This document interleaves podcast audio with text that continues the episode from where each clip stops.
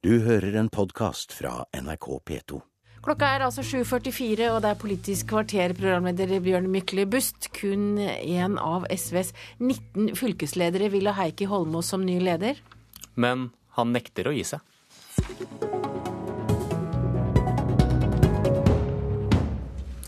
Sjefredaktør i Dagsavisen Arne Strand, du skriver at nå bør Heikki Holmås gi seg. Ja, fordi han åpenbart ikke har noen sjanse til å bli valgt som leder. Etter det store flertallet i valgkomiteen i SV som kom i går kveld, så er det helt åpenbart at eh, Heikki ikke oppnår eh, det han vil, nemlig å gå helt til topps i SV. Og da tror jeg det er lite gunstig for partiet at det holder gående en, en valgkamp. De burde heller konsentrere seg om å samle partiet og gjenreise partiet og skape en ny giv og en ny politikk som kan bringe SV opp av den hengemyra partiet er havnet i. Det er din avis som forteller at Holmås bare støttes av én av 19 fylkesledere. Hvorfor tror du han fortsetter kampen? Nei, fordi han har bestemt seg. fordi at For en stund siden så sa han at han skulle holde ut til siste slutt. Og Heikki Holmås er eh, av den type som, eh, som, vil stå på. Men om han gjør det helt fram til landsmøtet i mars, det er jeg litt eh, usikker på.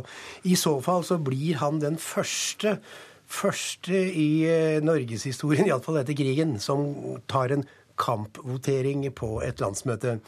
Det kunne ha gitt mening hvis han kunne ha sjanse til å bli valgt. Men når han ikke har noen sjanse, så blir det bare en demonstrasjon. Og jeg tror verken Heikki Holmås eller SV som sådan taper på akkurat den type kamper. De burde heller da samle seg om å gi partiet en ny kurs, en ny giv. Redaktør for ukemagasinet Ny Tid, Dag Herbjørnsrud. Er SV tjent med fortsatt lederkamp? Ja, jeg tror nok eh, at det også har sine fordeler. Ved at vi får dette hva skal si, den første demokratiske partilederutvelgelsen. Eh, I dag, Senere i dag så, så starter opptellingen eh, i Troms SV. Og de første signalene vi har fått, er jo at det er en svært stor interesse rundt valget. Så får vi jo se hva grasrota også måtte mene i Troms. Eh, men man kan også Jeg har full forståelse for, for, det Arne sier. Samtidig så, så, kan vi jo se, både for partiet er én ting, men også for det politiske Norge, å få en om man vil en USA-inspirert eh, valgkamp, at man kan også fortolke det som en en mulighet til å synliggjøre politikken, og det har både Audun og Heikki sagt. Eh, Lysbakken har også sagt det, at, denne duellen er i hvert fall med på å synliggjøre og tydeliggjøre politikken og tankene til begge to. Så man kan jo fortolke det også eh, når det gjelder for partiet eh, en, del, men også for den politiske interessen i dette landet her. At man kan at denne uravstemningen i Troms at, eh, og andre fylkeslag at det kan være med på å skape økt interesse rundt både eh, partiet, men også den politiske debatten. Du blir, du blir motsagt, Strand? Ja, ja nei, altså Jeg trodde det i utgangspunktet. Da de laget denne duellen, så syns jeg det virket veldig interessant at de skulle lage en amerikansk inspirert kandidatduell i et norsk parti. Men saken er at det er blitt en flopp. Eh, SV har ikke vunnet noe som helst på det. Tvert imot så har partiet gått tilbake og ligger nå i underkant av sperregrensen til Stortinget. De to kandidatene har ikke klart å påvise forskjellene mellom, mellom de to. Eh, de står omtrent for akkurat den samme politikken, og da blir jo ikke de som skal velge dem, noe særlig klokere. Hadde de klarere enn det de har gjort, fått fram forskjellene og sagt til utsendingene på landsmøtet og til velgerne at eh, her er det valg mellom to retninger, så kunne det gitt mening. Men sånn som det er nå, så er det to nesten helt like kandidater. De er forskjellige på form, men ikke så veldig mye på innhold. Er de det, Erbendsrud?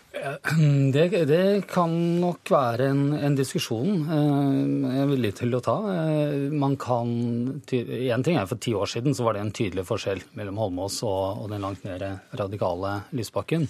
Eh, nå er det klart at, at det har utjevnet seg på overflaten, i det minste, og polert seg ut, også med Lysbakken i, i departementene. Men hva, hva mener du forskjellen består i, som da Arne Strand ikke ser? Vel, for det første, en ting er kandidatene som sådan. altså De har jo lagt fram et, et ulikt perspektiv. Lysbakken tydelig knyttet mot fagbevegelse. Eh, og, og bygge allianser med målgruppetenkning. Eh, og det, det, er aktverdig som sådan. Samtidig som eh, Holmås da har sagt jeg holdt på å si det motsatte. Altså at vi skal satse på heller på sakene. Altså velge ut noen viktige saker. Og det mener du er riktig? som jeg leser det? Vel, jeg har vel påpekt at tilbake til SF-tradisjonen, så, så, går det også an å tenke seg at, at man velger ut noen utenrikspolitiske ting. Så, så men jeg ser i hvert fall i utgangspunktet hovedfordelen med at man får en, en debatt eh, rundt dette her. Eh, klima, utenriks eh, og at man får en tydeliggjøring. Så er det samtidig slik at selvfølgelig så, så, står begge på det samme partiprogrammet, så det er begrenset hvor mye forskjell det kan bli. Og så Når det gjelder nominasjonskomiteen, fylkeslederne, akkurat det er ikke noe nytt. Det er ikke noe overraskende. Dette visste vi. Det er snarere enn overraskende at to stykker står så hardt på. Heikki Holmås i nominasjonskomiteen. Det er i tilfelle det, det mest nye. Ja, debatt er jo utmerket, og partier skal debattere, og politiske ledere skal debattere med hverandre. Selvfølgelig skal, eh, skal de det, og vi i mediene elsker jo den type maktkamper. Men det jeg tror eh, SV ville ha bedre av, var at alle gode krefter i det partiet nå slo seg sammen for å finne den nye kursen videre. For det er ikke ett eneste norsk parti som noen gang har vunnet noe som helst på en intern eh, maktkamp. Tvert imot så viser all erfaring at partiene taper på det. Arbeiderpartiet er full av slike eksempler. Venstre er et annet parti som har dårlige erfaringer. Så Velgerne blir nemlig veldig forvirret om partiets kurs videre. Og i den tiden de er forvirret, så går partiet ned på meningsmålinger og mister Du rister på hodet, Herbertsen? Ja, lite grann. Fordi eh, det vi sammenligner her nå med, er jo f.eks. da Jens eh, versus eh, Torbjørn i Arbeiderpartiet. Og det blir noe helt annet. Dette er en åpen, redelig debatt sånn som vi hadde oppe i Tromsø, hvor de sitter i sofaen sammen og snakker. Og det er vel noe av det første vi, vi har sett på, på, på, god norsk maner også. Jeg tror velgerne, spesielt til SV, burde være såpass oppegående at de skjønner at det finnes ulike eh, måter å fortolke partiprogrammet på. Eh, hvorvidt dette svekker partiet ytterligere, er jo litt vanskelig å tenke seg med tanke på hvor langt nede de er allerede. Takk for at dere kom.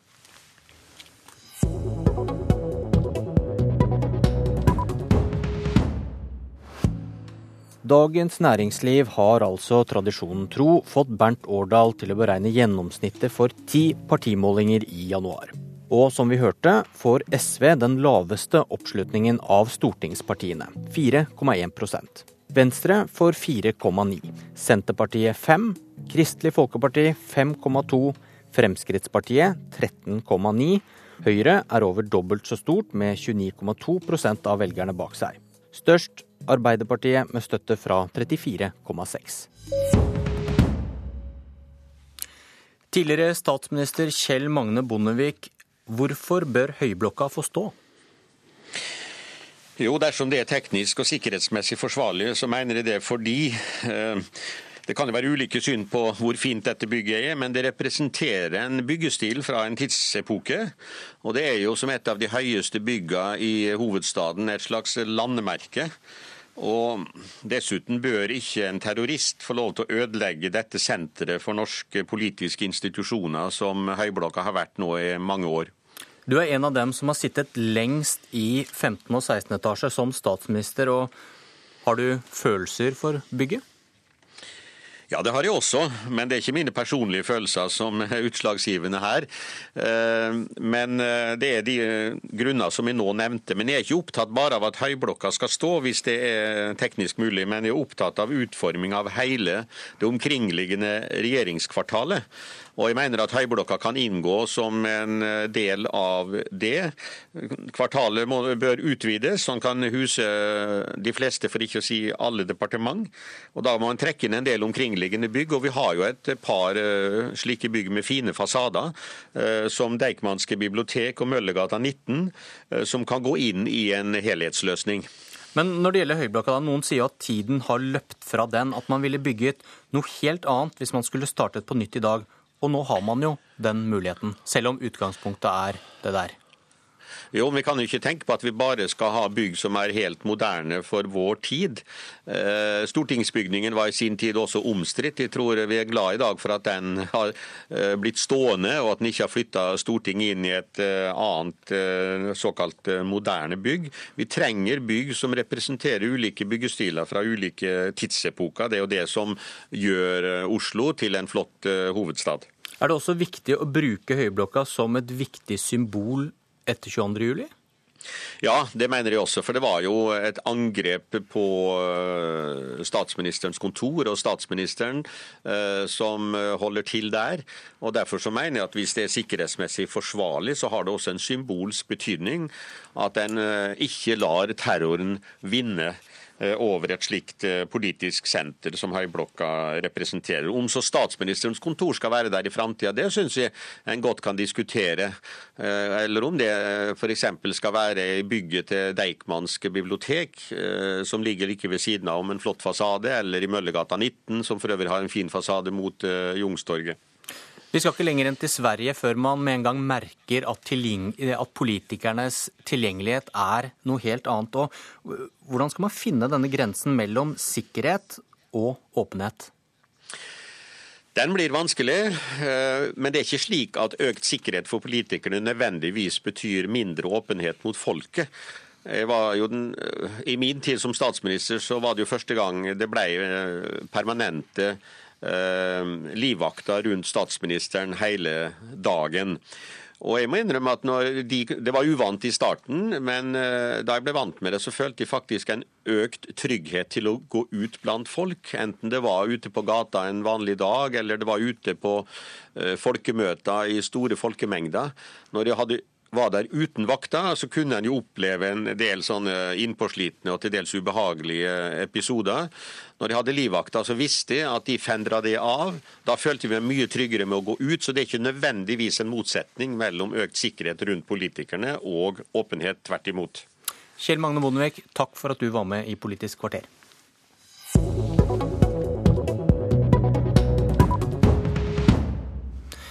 Fremskrittspartiet legger før påske fram forslag om en ny handlingsregel. Investeringer på vei og Barnene skal ut av statsbudsjettet og likebehandles med oljesektoren. Høyre vil holde på dagens handlingsregel, men FrPs finanspolitiske talsmann Ketil Solvik-Olsen mener Høyre har mye å hente på forslaget. Skal Høyre få lov til å for drømme videre om lyntog, så må de òg ta en debatt om hvilke begrensninger handlingsregelen skal ha. Frp har sett seg grundig lei på stempelet som uansvarlig. Ketil Solvik-Olsen slår nå kraftig tilbake. Han mener Arbeiderpartiet og Høyre bedriver dobbeltmoral når de vil ha store milliardinvesteringer på oljesektoren, men samtidig hevder at mindre bevilgninger til samferdselssektoren skaper press i økonomien.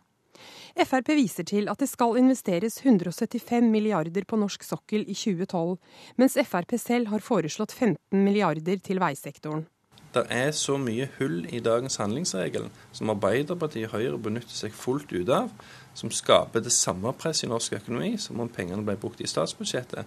Men de klarer altså å, å, å lure, fordi at de får definere regelen, de får definere debatten. Og det er det vi nå skal utfordre. Fremskrittspartiet håper på støtte hos de andre borgerlige partiene i vår eller under kommende regjeringsforhandlinger. Solvik-Olsen mener de borgerlige partiene ikke må la Jens Stoltenberg legge premissene for borgerlig politikk. Det finnes mer enn én en måte å drive en ansvarlig økonomisk politikk på. Vi kan ikke la en regel som Stoltenberg fikk definere i 2001, få sette begrensninger og rammer i 2012, 2013 og videre.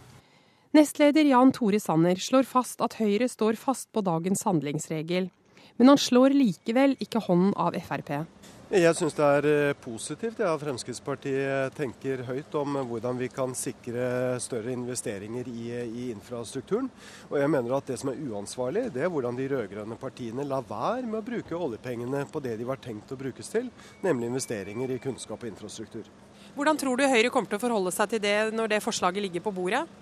Jeg er helt sikker på at Høyre og Fremskrittspartiet kommer til å bli enige. Reporter Berit Aalborg. Og jeg heter Bjørn Myklebøst. Du har hørt en podkast fra NRK P2.